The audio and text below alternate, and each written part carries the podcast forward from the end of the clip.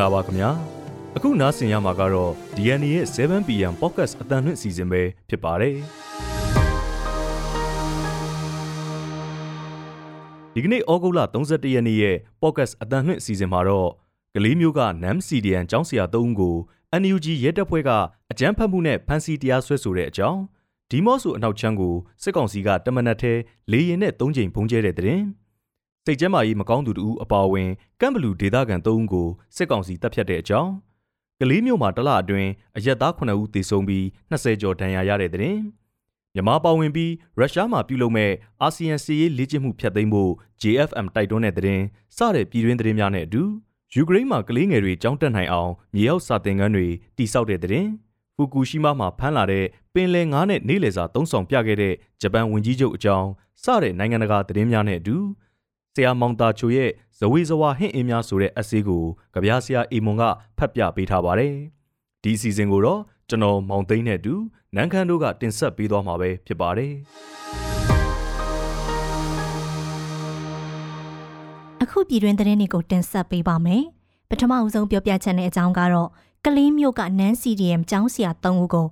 NUG ရဲတပ်ဖွဲ့ကအကြမ်းဖက်မှုနဲ့ဖမ်းဆီးတရားစွဲတယ်ဆိုတဲ့အကြောင်းပါ။ စကိုင်းတိုင်းကလေးမျိုးနယ်ကနန်း CDM ကျောင်းဆရာ၃ဦးကို NUG လက်အောက်ခံရဲတပ်ဖွဲ့ကအကြမ်းဖက်မှုနဲ့တရားစွဲဆိုလိုက်ပါတယ်။စစ်ကောင်စီရန်တရားကိုလက်ပတ်ပေးနေတာကြောင့်တားဆီးအရေးယူတဲ့သဘောဖြစ်တယ်လို့ကလေးမျိုးနယ်ပြည်သူ့ရဲတပ်ဖွဲ့တာဝန်ရှိသူတဦးက DNA ကိုပြောပါရယ်။ကလေးမျိုးနယ်ကတွန်လန်ရေးအင်အားစုတွေစိုးမိုးထိန်ချုပ်နေမြေတဲ့ကစစ်ကောင်စီရဲ့စာတင်ကျောင်းမှာတင် जा ပေးနေတဲ့ကျောင်းအုပ်တဦးနဲ့ကျောင်းဆရာတဦးတို့ကိုဖမ်းဆီးတရားစွဲဆိုလိုက်တာပါ။ အဲ့ဒီအကြောင်းဆရာတွေကို CDM ဆရာဆရာမတွေနဲ့ဒေါ်လာရေးထောက်ခံတဲ့အင်အားစုတွေကတိုက်တွန်းလို့ဖမ်းဆီးတာလို့လည်းကလေးမျိုးနဲ့ပြည်သူ့ရဲတပ်ဖွဲ့ကဆိုပါတယ်။ကလေးခရိုင်ပြည်သူ့ကာကွယ်ရေးတပ်တော်မြို့ပြစစ်စင်ရေးတူတာဝန်ခံတဲ့အဖွဲ့ကအခုလ9ရက်နေ့လယ်ပိုင်းမှာစစ်ကောင်စီလက်အောက်ခံအာထကကိုကျောင်းအုပ်ဦးစန်းထွန်းမောင်နဲ့ဦးကွန်စွန်ခိုင်တို့နှစ်ဦးကိုဖမ်းဆီးခဲ့ပြီးတဲ့နောက်ကလေးမျိုးပြည်သူ့ရဲတပ်ဖွဲ့ကိုလွှဲပြောင်းပေးခဲ့ပါတယ်။ဒါ့အပြင်နောက်တရက်ဩဂုတ်10ရက်မှာလဲ ကြောက်ကာရွာအလဲတန်းကျောင်းအုပ်ဦးမောင်မောင်ခင်ကိုတောင်ဖီလာရက်ကွက်ကသူ့ရဲ့နေအိမ်ကနေကလေးမြို့နယ်ပြည်သူ့ကာကွယ်ရေးတပ်ဖွဲ့ဝင်တွေကဖမ်းဆီးခဲ့ပြီးပြည်သူ့ရဲတပ်ဖွဲ့စီကိုလွှဲပြောင်းပေးခဲ့တယ်လို့သိရပါဗျ။လက်ရှိမှာအဲ့ဒီကျောင်းဆရာ၃ဦးကိုကလေးမြို့နယ်ပြည်သူ့ရဲတပ်ဖွဲ့ကအမှုတိဆောက်ပြီးအကြမ်းဖက်မှုတိုက်ဖျက်ရေးဥပဒေပုံမှ52ကကြီးအရအမျိုးသားညီညွတ်ရေးအစိုးရ NUG ရဲ့ကလေးမြို့နယ်တရားသူကြီးများအဖွဲ့ကတရားစွဲဆိုထားတယ်လို့ထုတ်ပြန်ထားပါတယ်။ ကလေးမျိုးပြည်သူရဲတပ်ဖွဲ့ကိုပြီးခဲ့တဲ့2021ခုနှစ်ဒီဇင်ဘာလကတည်းက CDN ရဲတပ်ဖွဲ့ဝင်တွေနဲ့ဖွဲ့စည်းခဲ့တာဖြစ်ပြီးလက်ရှိအချိန်အထိစက်ကောင်စီလက်အောက်ခံဝန်ထမ်း6ဦးကိုအရေးယူထားတယ်လို့ဆိုပါတယ်။ဒုတိယသတင်းပုတ်အနေနဲ့ဒီမော့ဆိုအနောက်ချမ်းကိုစစ်ကောင်စီကတမနက်ထဲလေရင်နဲ့၃ချိန်ဘုံကျဲတိုက်ခိုက်ခဲ့တဲ့အကြောင်းကိုပြောပြပေးပါမယ်။ကရင်နီပြည်ဒီမော့ဆိုမြို့နယ်အနောက်ချမ်းကစစ်ဘေးရှောင်တွေနေထိုင်ရာအနီးဝန်းကျင်ကိုဒီကနေ့မနက်အစောပိုင်း၄နာရီလောက်မှာ စစ်ကောင်စီကလေရင်နဲ့၃ချိန်ပုံကျဲတိုက်ခိုက်ခဲ့တယ်လို့ဒေသခံတွေကပြောပါတယ်။တိုက်ခိုက်ခံရတဲ့နေရာနဲ့အနီးတစ်ဝိုက်မှာတိုက်ပွဲဖြစ်ပွားတာမရှိဘဲစစ်ကောင်စီကအခုလိုဘုံကျဲတိုက်ခိုက်ခဲ့တာလို့ဒေသခံတွေကပြောကြပါတယ်။ဘုံကျဲတိုက်ခိုက်မှု၃ချိန်အတွင်းဘုံတလုံးကစစ်ဆောင်တွေရှိနေတဲ့နေရာအနီးကိုကြားခဲ့ပေမဲ့ပောက်ကွဲမှုမရှိတာကြောင့်လူထိခိုက်မှုမရှိခဲ့ဘူးလို့စစ်ဘေးရှောင်တွေကိုကူညီပေးနေသူတူကရှင်းပြပါတယ်။ ဒီမော့ဆိုမြို့နယ်အနောက်ဘက်ချမ်းဒေသတွေမှာပြီးခဲ့တဲ့တစ်နှစ်ခွဲကျော်လောက်ကတည်းကနေစစ်ဘေးရှောင်3000ဝန်းကျင်ခိုလုံနေထိုင်ကြရပြီးစစ်ကောင်စီကအဲ့ဒီဒေသတွေကိုမကြာမကြာလေကြောင်းကတိုက်ခိုက်လိရှိပါတယ်။ဒါကြောင့်စစ်ရှောင်တွေဟာလေကြောင်းအန္တရာယ်ကိုအမြဲတမ်းစိုးရိမ်နေရတယ်လို့စစ်ရှောင်တွေကိုကူညီပေးနေတဲ့သူတွေကပြောပါတယ်။ ပြီးခဲ့တဲ့ဩဂုတ်လ25ရက်နေ့ကလည်းဒီမော့ဆိုအနောက်ချမ်းကနေရာ၄နေရာကိုတိုက်ပွဲဖြစ်ပွားတာမရှိဘဲစစ်ကောင်စီတပ်ကလေရင်နဲ့ဘုံနှလုံးကျဲချခဲ့တဲ့အပြင်လက်နက်ကြီးနဲ့လည်းခုနှစ်ကြိမ်ထက်မနည်းပစ်ခတ်ခဲ့ပါသေးတယ်။ဆက်လက်ပြီးတော့စိတ်ကြမ်းမာရေးမကောင်းသူတဦးအပါအဝင်ကမ်ဘလူဒေသခံ၃ဦးကိုစစ်ကောင်စီတပ်ဖြတ်တယ်ဆိုတဲ့အကြောင်းကိုပြောပြပေးသွားပါမယ်။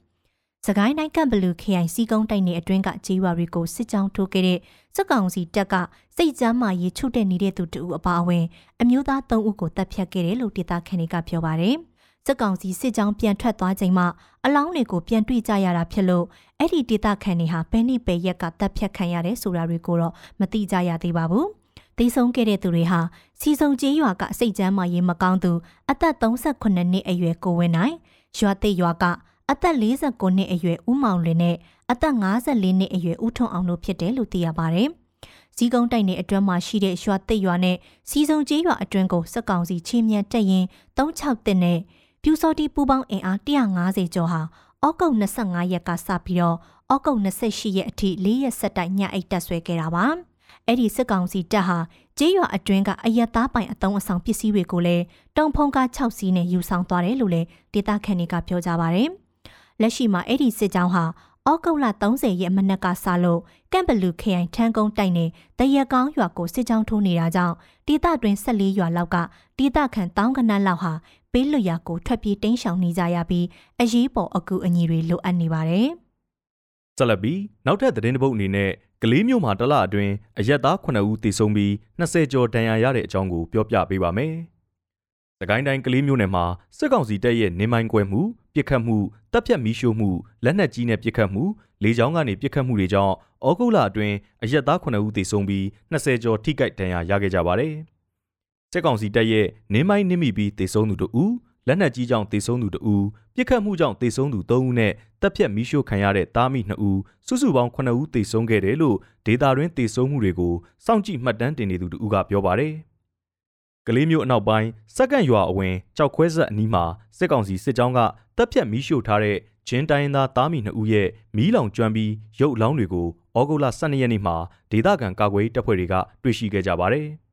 ။သကိုင်းတိုင်းတွင်အာနာသိမ်းမှုကိုခုခံတော်လှန်မှုအားကောင်းတဲ့ဒေသတွေထဲကလေးမျိုးနယ်လည်းအပါဝင်ဖြစ်ပြီးလက်နက်ကင်ပရိပခတွေဇက်တိုက်ဖြစ်နေကြတာပါ။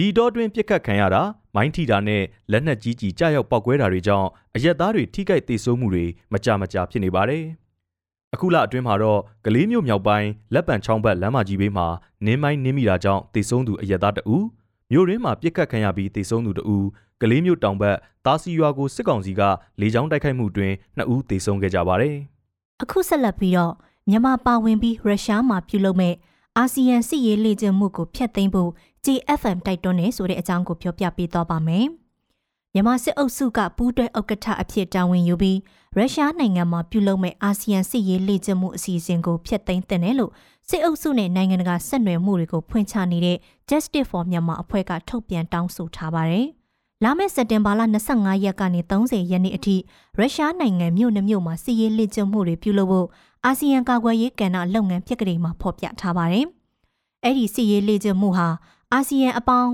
ကာကွယ်ရေးဝန်ကြီးများအစည်းအဝေးအကြံဖတ်မှုတံပြန်တိုက်ဖြတ်ရေးလုပ်ငန်းအဖွဲ့ရဲ့အစိတ်အပိုင်းတစ်ခုဖြစ်ပြီးဒီလုပ်ငန်းအဖွဲ့ကိုရုရှားအစိုးရနဲ့မြန်မာစစ်အုပ်စုတို့ကဦးဆောင်နေတာလို့ GFM ကထောက်ပြထားပါတယ်။ဒါကြောင့်အဲ့ဒီမြေပြင်စစ်ရေးလေ့ကျင့်မှုကိုရှေ့တိုးလှုပ်ဆောင်မယ်ဆိုရင်မြန်မာပြည်သူတွေအပေါ်စစ်အုပ်စုကကျူးလွန်နေတဲ့စစ်ရာဇဝတ်မှုတွေနဲ့လူသားမျိုးနွယ်အပေါ်ကျူးလွန်တဲ့ရာဇဝတ်မှုတွေမှာ အာဆီယံဟာကြံရပါအနေနဲ့ပါဝင်ပတ်သက်မှုပိုပြီးနှက်ဆိုင်လာလိမ့်မယ်လို့လည်း JFM ကသတိပေးထားပါတယ်။အာဆီယံကာကွယ်ရေးဝန်ကြီးများအစည်းအဝေးဥက္ကဋ္ဌဖြစ်တယ်လို့လက်ရှိအာဆီယံအလှည့်ကျဥက္ကဋ္ဌနိုင်ငံလည်းဖြစ်တဲ့အင်ဒိုနီးရှားနိုင်ငံအနေနဲ့အဲ့ဒီစီရေးလေ့ကျင့်မှုကိုချက်ချင်းဖျက်သိမ်းသင့်တယ်လို့လှုပ်ရှားမှုအစီအစဉ်အလုံးကနေစစ်အုပ်စုကိုတားမြစ်ပိတ်ပင်ဖို့လိုတယ်လို့လည်းတိုက်တွန်းတောင်းဆိုထားပါတယ်။တက်လက်ပြီး နိုင်ငံတကာသတင်းအစီအစဉ်ကိုနန်းခမ်းကတင်ဆက်ပေးပါမယ်။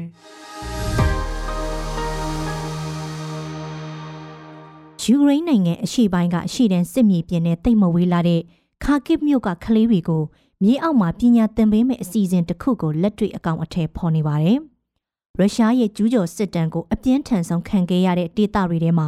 ခါကစ်လည်းအပါအဝင်ဖြစ်ခဲ့ပါတယ်။ခါကစ်မြို့ရဲ့အစွန်အဖျားအစိတ်အပိုင်းတချို့ဆိုရင် ရုရှားနေဆက်နဲ့မိုင်20လောက်သာကွာဝေးတာကြောင့်ရန်သူတော်ရုရှားရဲ့စက်ကွင်းထဲမှာအချိန်ပြည့်ချင်းချောက်ခံနေရတဲ့အခြေအနေဆိုရင်လည်းမမားပါဘူး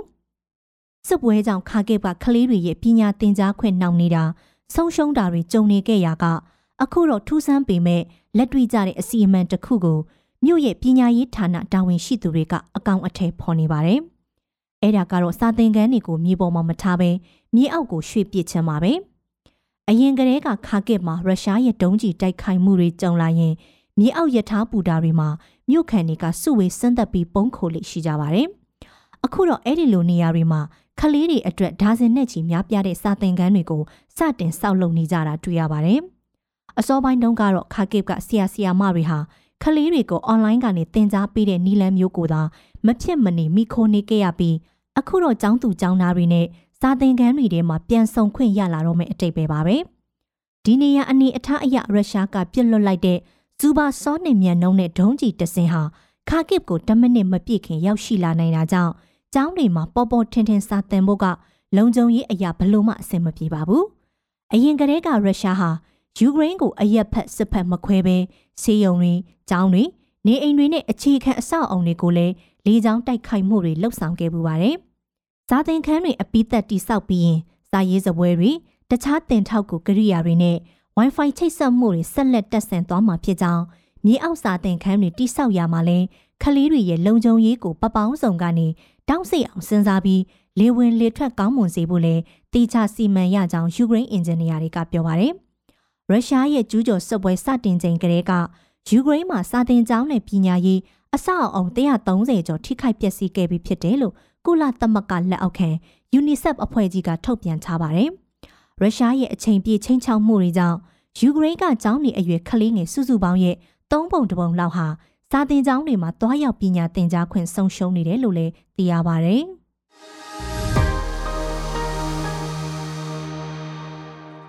ဘေးအန်ဒီရဲ့ကင်းရှင်းပါတယ်ဆိုတာကိုသက်တည်ပြဖို့အတွက်ဂျပန်ဝန်ကြီးချုပ်ဖူမီယိုကီရှီတာဟာဖူကူရှီမာနာတဝိုက်ကနေဖမ်းယူလာတဲ့ ပင်လယ်ငါးတွေကိုကိုယ်တိုင်စားပြခဲ့ပါတယ်။ဩဂုတ်30ရက်တုန်းက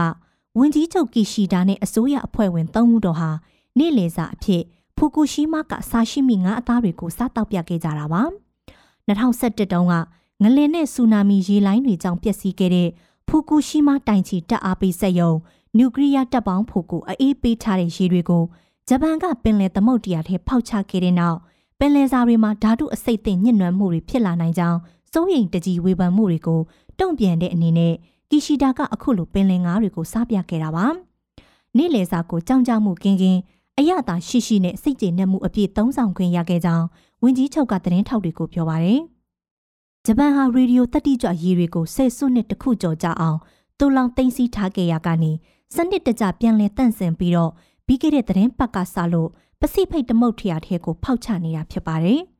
တပ်ပေါင်းဖို့ကိုအေးပေးဖို့သုံးခဲ့တဲ့ရေတန်ချိန်1.3တန်းလောက်ကိုဂျပန်ကရေလောင်ကန်ကြီးတွေထဲမှာတင်စီထားရကနေ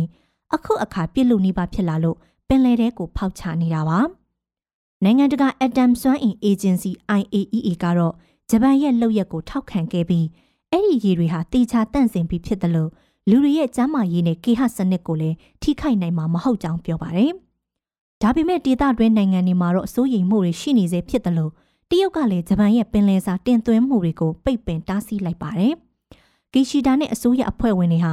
နေ့လယ်စာသမင်းဝိုင်းမှာတော့ရေငန်ကက်ကက်တင်ကအပြင်ရေဘဝဲဟင်းလျာဟင်းသီးဟင်းရွက်တတိဝလံတွေနဲ့ထမင်းပကံလုံးတွေပြင်ဆင်ထားတာတွေ့ရပါတယ်။အဲ့ဒီထမင်းဝိုင်းမှာတဲခင်းထားတဲ့ငားနဲ့ရေဘဝဲတွေကိုဖူကူရှီမာကမ်းလွန်ကနေဖမ်းဆီးလာပြီးဆန်ကိုလည်းဖူကူရှီမာမှာစိုက်ထားတဲ့စဘာခင်းကနေရထားတာလို့ဂျပန်အစိုးရကထုတ်ပြန်ထားပါတယ်။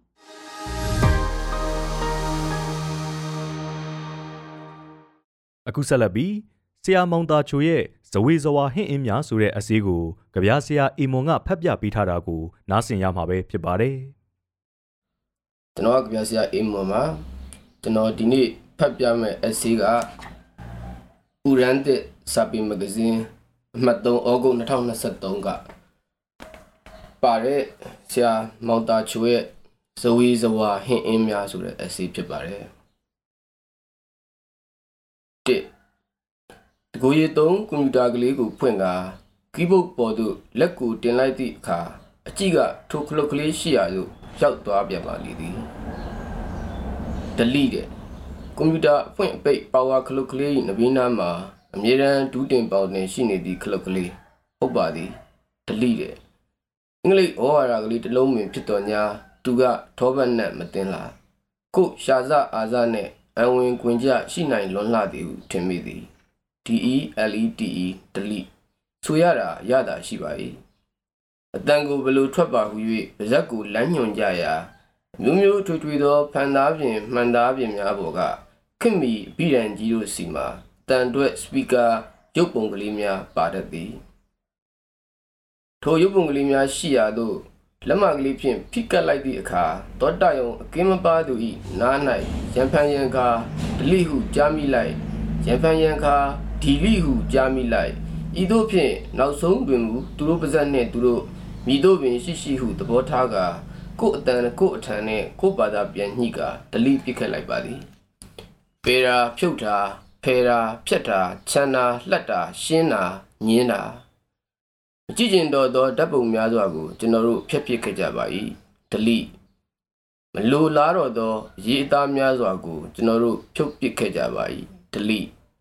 မကြားကျင်တော့သောအတံပလံများစွာကိုကျွန်တော်တို့ဖယ်ပစ်ခဲ့ကြပါ၏ဒလိတလုံးချင်းဒလိတစ်ကြောင်းချင်းဒလိတပုတ်ချင်းဒလိတပိုက်ချင်းဒလိရုပ်သေးဒလိရုပ်ရှင်ဒလိဖြင်ဖြက်ခေါင်းဖြက်ဒလိရင်သက်ကြောသက်ဒလိ တခုခုကိုဟင်အင်းဖို့ရာလိုအပ်လာသည့်အခါတိုင်းလောက်ရနိုးမလောက်ရနိုးနှင့်ဇဝေဇဝါတွေမရေမရာတွေလွှမ်းခြုံကာကျွန်တော်တို့၏လက်ချောင်းကလေးများကိုခြီတုံချတုံဖြစ်စေသည့်ခလုတ်ကလေးမှာထိုဒလိဟူသည့်ခလုတ်ကီးကလေးပင်ဖြစ်သည်ထို့ကြောင့်ကွန်ပျူတာဖွင့်တိုင်းမှာအကြည့်ကဒလိရှိရာသို့ရောက်ရောက်သွားတတ်စမြဲနှစ်ယခုအခါဤပညာနှင့်ဒွေရောရှက်တင်ဖြစ်နေကြရာ သူတွေကရက်ရှိမျက်နှာ၌လဲနေလေအောင်မြင်းဆောင်မကြံဆိုသလိုဖြစ်ရာထို့ထိုသောဤပညာ၏အသီးပွင့်ပစ္စည်းပစ္စယများနှင့်အတူပွားချီထက်ထက်ချက်မကွာတရွတ်တိုက်ပြီးလိုက်ပါလာသည့်စကလုံးအတုံးလုံးဆိုသည်များကထိုသူတိုင်း၏ပါဇက်ကူစီရဲမှပြုတ်ခဲ၍ရှိနေကြပြီဖြစ်ပါသည် like post comment save share copy paste friend public blog Wi-Fi Messenger email internet password Viber message gallery စသည်စသည်ဇက်တဲတွင်ပြပြခက်ခဲရှိလာသည်ထိုဟောဟာရစပြစ်ခံကြီးတဲ့၌ဒလိကလည်းနာမည်ကျော်ဇလိုက်ကြီးပဲဖြစ်ပါသည်နိပညာတက္ကသိုလ်ထဲ၌သူတေသနာပြုနေသည့်မျက်မှန်ထူထူနှင့်ဒူမဆကစာစီစာရဲ့အလုတ္တမကလေးအလဲပြန်ကြစည်းကလေးထဲ၌နေပြန်တို့ပေးနေသည့်နှုတ်ကြမ်းရှာကြမ်းအမျိုးသမီးအစုံအားလုံးအဖို့ ဒလိနှင့်နပန်းလုံးနေကြမိမှာဧကံမလွဲပင်ဖြစ်ပါသည်လူတိုင်းမှာဟင့်အင်းစရာတွေကများမှများမဟုတ်လားကွန်ပျူတာပေါ်ဦးပေါ်ပြားကာလတုံးစီကအလိုမရှိကျင်စရာတစ်ခုကိုလက်မြန်ချီမြန်ဒလိလုတ်ပြီးကမှနောင်တနှင့်ပြန်ရယူလို့စိတ်ဖြစ်ပေါ်ခဲ့မှုပါသည်ရင်းနှက်ကြတဲ့သို့ရုတ်တရက်ရောက်သွားရသည့်ကျွန်တော်အဖြစ်ကိုရိတ်စားမိပုံရသူမိတ်ဆွေကဤပညာမော်ယုံဟေဝန်၌ ဆနကြိုးလွန်မြောက်ပြီးဖြစ်လေရာကီးဘုတ်ပေါ်ရှိခလုတ်ကီးကလေးတချို့ပေါ်သို့သူ့အကူအညီလက်ကလေးများရောက်လာကကျွန်တော်လက်လွန်ချေလွန်ဒလိများကိုဘွားမြင်မြန်ပြန်ခတ်လျက်ကျွန်တော်ပြန်ယူလိုခြင်းသည့်အချက်လက်များစွာကိုကွန်ပျူတာပေါ်သို့ပြန်ခေါ်ပေးခဲ့ပူပါသည်ဒလိကငယ်ချစ်ဦးလိုပြတန်ရောစင်မပြတ်ချင်ဘူးအချိန်မီပြန်ခေါ်ရင်ရတတ်တယ်အဲရှစ်တော့မခံလိုက်လေနဲ့ချစ်ဒလိကစူလာတုပတ်တာရက်ဆက်တယ်လှဲ့ကိုမကြည့်တော့တာ သူကကွန်ပျူတာဘူးတုတကိုလေယူတုံတုံလေးဖြင့်ပေးနေခြင်းဖြစ်ပါသည်ဒလိခလုတ်တက်တက်ဖြင့်ဖြတ်မိလျင်ပြန်လည်ပြုပြင်၍ရနိုင်သည်ရှစ်နှင့်ဒလိခလုတ်နှစ်ခုတွဲကဖြတ်ပြစ်မိခဲ့လျင်ကလုံးဝအုပ်တုံပြန်မရနိုင်တော့ပြီးတိုင်းပယ်ဖြက်ပြတ်တောက်ပြီးသားဖြစ်သွားခဲ့ပြီဟုဆိုလိုခြင်းပင်ဖြစ်သည်တကယ်တော့ဤပညာကနှလုံးသားပါပုံရပါသည် လူတို့ဤခြီတုံချတုံဆုံးဖြတ်ချက်များဇဝေဇဝါအတွေးများ မီမယာတန်တိတ်ထံများကိုရိတ်စားနားလည်နှင့်ပြီးသားဖြစ်ပါသည်ထို့ကြောင့်ကျွန်တော်တို့ဤပထမရွေးချယ်လိုက်မှုများအပေါ်တွင်မိသည့်ခါမှအတိမယူပါလေကဲဒလိဟုရွေးချယ်လိုက်သည့်အခါကိုကိုကိုတေးကြမတေးကြအမြဲတမ်းပြန်မေးလေရှိပါသည်ဒလိဟူသည့်ကျွန်တော်တို့၏ညွှန်ကြားမှုအပေါ်တကယ်လားနမောနမဲလှုပ်လိုက်မိတာလားအချိန်တိုင်းပြန်စဉ်းစားခိုင်းလေရှိပါသည်ဖေပါဖြုတ်ပါ ဖဲပါဖြက်ပါချမ်းပါလှက်ပါစသဖြင့်ဒလိလှုပ်ရန်ညွှန်ကြားလိုက်မှုအပေါ်ပြန်၍ပယ်ဖြက်ကန်ဆယ်အောင်မလားထောင်စင်မိခွန်းထုတ်လေရှိပါသည်ကိုယ်စိတ်ကိုကိုပိုင်ပိုင်နိုင်နိုင်ရှိမရှိခဏကလေးပြန်ကြည့်ဒုနောက်တွင်မှဒလိဩတို့နယ်ထို့နယ်ရှောက်လန်းသွားမှုလွယ်အောင်လမ်းကလေးတွေတွေ့၍ဆွဲ၍ခင်းထားပေးပါလျက်နှင့်အခက်ကြုံရတတ်သည့်ကျွန်တော်တို့၏ခြေလမ်းများ၃တို့ဖြင့်ခစ်ကြီးကလူတိုင်းကိုစီလက်ထဲသို့ဖုံးပေါက်ဆကလေးများထိုးထည့်ပေးလိုက်သည်လေတော့အခါကဘာကြီးတစ်ခုလုံးကိုခြုံ၍ထည့်ထားနိုင်သည့်ထိုဖုံးပေါက်ဆကလေးထဲမှာလည်းဒလိပါလာပါသည်ကျွန်တော်တို့သည်နောက်ခါမိတို့သောအကြောင်းကိစ္စနှင့်မျှပြန်လည်၍အလိုမရှိအပ်เสียမြောင်များစွာတို့ကိုပယ်ဖျက်ပစ်ကြရပါသည်ထိုအတန်ကိုအလိုမရှိထိုဟန်ကိုအလိုမရှိ ထိုစကားကိုအလိုမရှိ ထိုတရားကိုအလိုမရှိ ထိုနာမကိုအလိုမရှိ ထိုမာနကိုအလိုမရှိ ထိုမှတ်တမ်းကိုအလိုမရှိ ထိုဇက်လန်းကိုအလိုမရှိ delete delete delete အေးလူလူရှိသည့်အခါလက်ကင်ဖုန်းထဲတွင် ပေကျန်ရှုပ်ပွနေနိုင်သည့်လူမှုကိစ္စအမှတ်တရိုက်များစွာကိုကျွန်တော်လှည့်ကျင်းပြစ်လေရှိပါသည်လိုအပ်သည့်ဝန်တို့ဝန်မိုးများစွာကိုတင်ဆက်မှတ်သားကလက်ကင်ဖုန်းကလေးလေးလံမနေစေဖို့ရာဖြစ်ပါသည်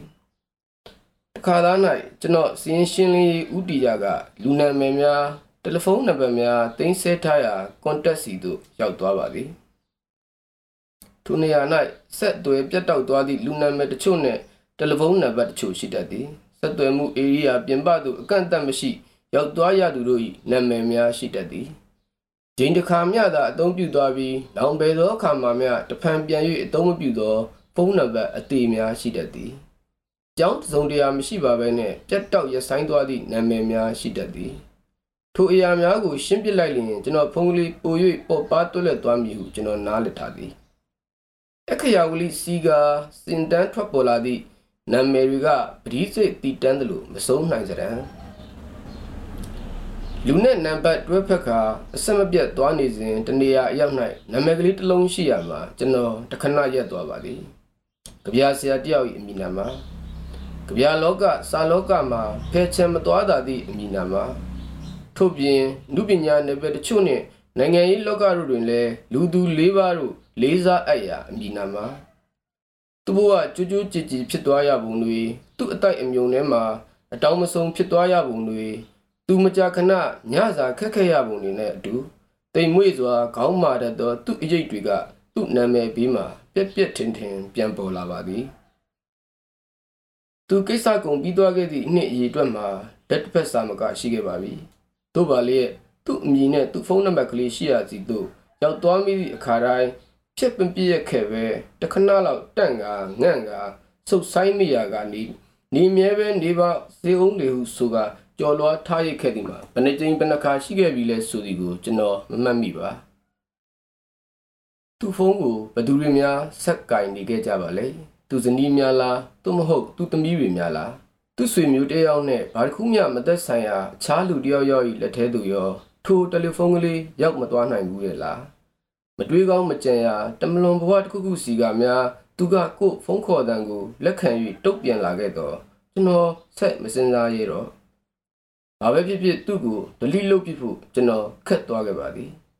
သူနဲ့အတူသွားခဲ့သည့်ခရီးတွေသူနဲ့အတူနားခဲ့သည့်အရေးတွေညှိုးငယ်သည့်သူ့အကြည့်တွေ သူ့ကိုဘလို့လုပ်ပြီးအလွယ်တကူဒလိလုတ်ပြကြပါ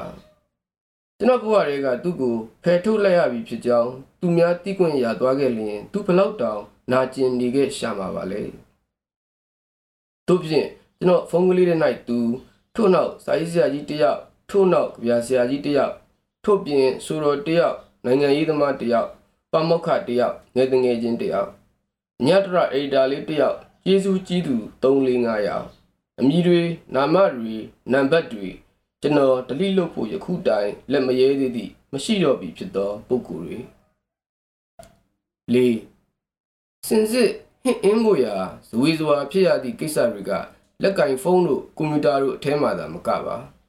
ဒလိလုတ်ပြီးပယ်ဖြတ်ချန်လှက်ဖြုတ်ပစ်လိုက်ဖို့ရာမစွမ်းသာသောအရာတွေကလူတိုင်းကိုယ်စီရင်ထဲမှာအထုတေပမာဏဒုနဲ့ဒေတာ လောကရန်ကိုကြံ့ကြံ့ခံကကျွန်တော်တို့အတွက်မနှက်စာညစာဖန်တီးရရှာသည့်အမေမျက်နှာလိုအရာမျိုးကိုဘယ်လိုသွေးအေးမှုမျိုးဖြင့်ကျွန်တော်တို့ဒလိလုတ်ပစ်ကြရမှာပါလဲ။အမိုင်းတွေကအဖြစ်ပြက်များရာဇဝင်တွေကနေရာဒေတာများလူများကိန်းကနန်းများအယုတ်အယောင်အတန်ပလံများဒလိဟုခန့်နှိပ်ထားသည့်ခလုတ်ကီးကလေးရှိရာသို့မဟုတ်ကွန်မန့်မှတ်သားကလေးရှိရာသို့တင့်လက်ရောက်ရှိသွားသည့်အခါ တင်ဇဝေဇဝါဖြစ်ဘူးပါသာကျွန်တော်သိကျင်ပါသည်ထို့ပြင်ဤသို့သောအကြောင်းချင်းရာမျိုးတွေပေါ်၌တင်ဇဝေဇဝါဖြစ်လေဖြစ်တာရှိပါလိမ့်ဆိုသည်ကိုလည်းထပ်ဆင့်၍သိကျင်နေမိပြန်ပါသည်မောင်တာချူ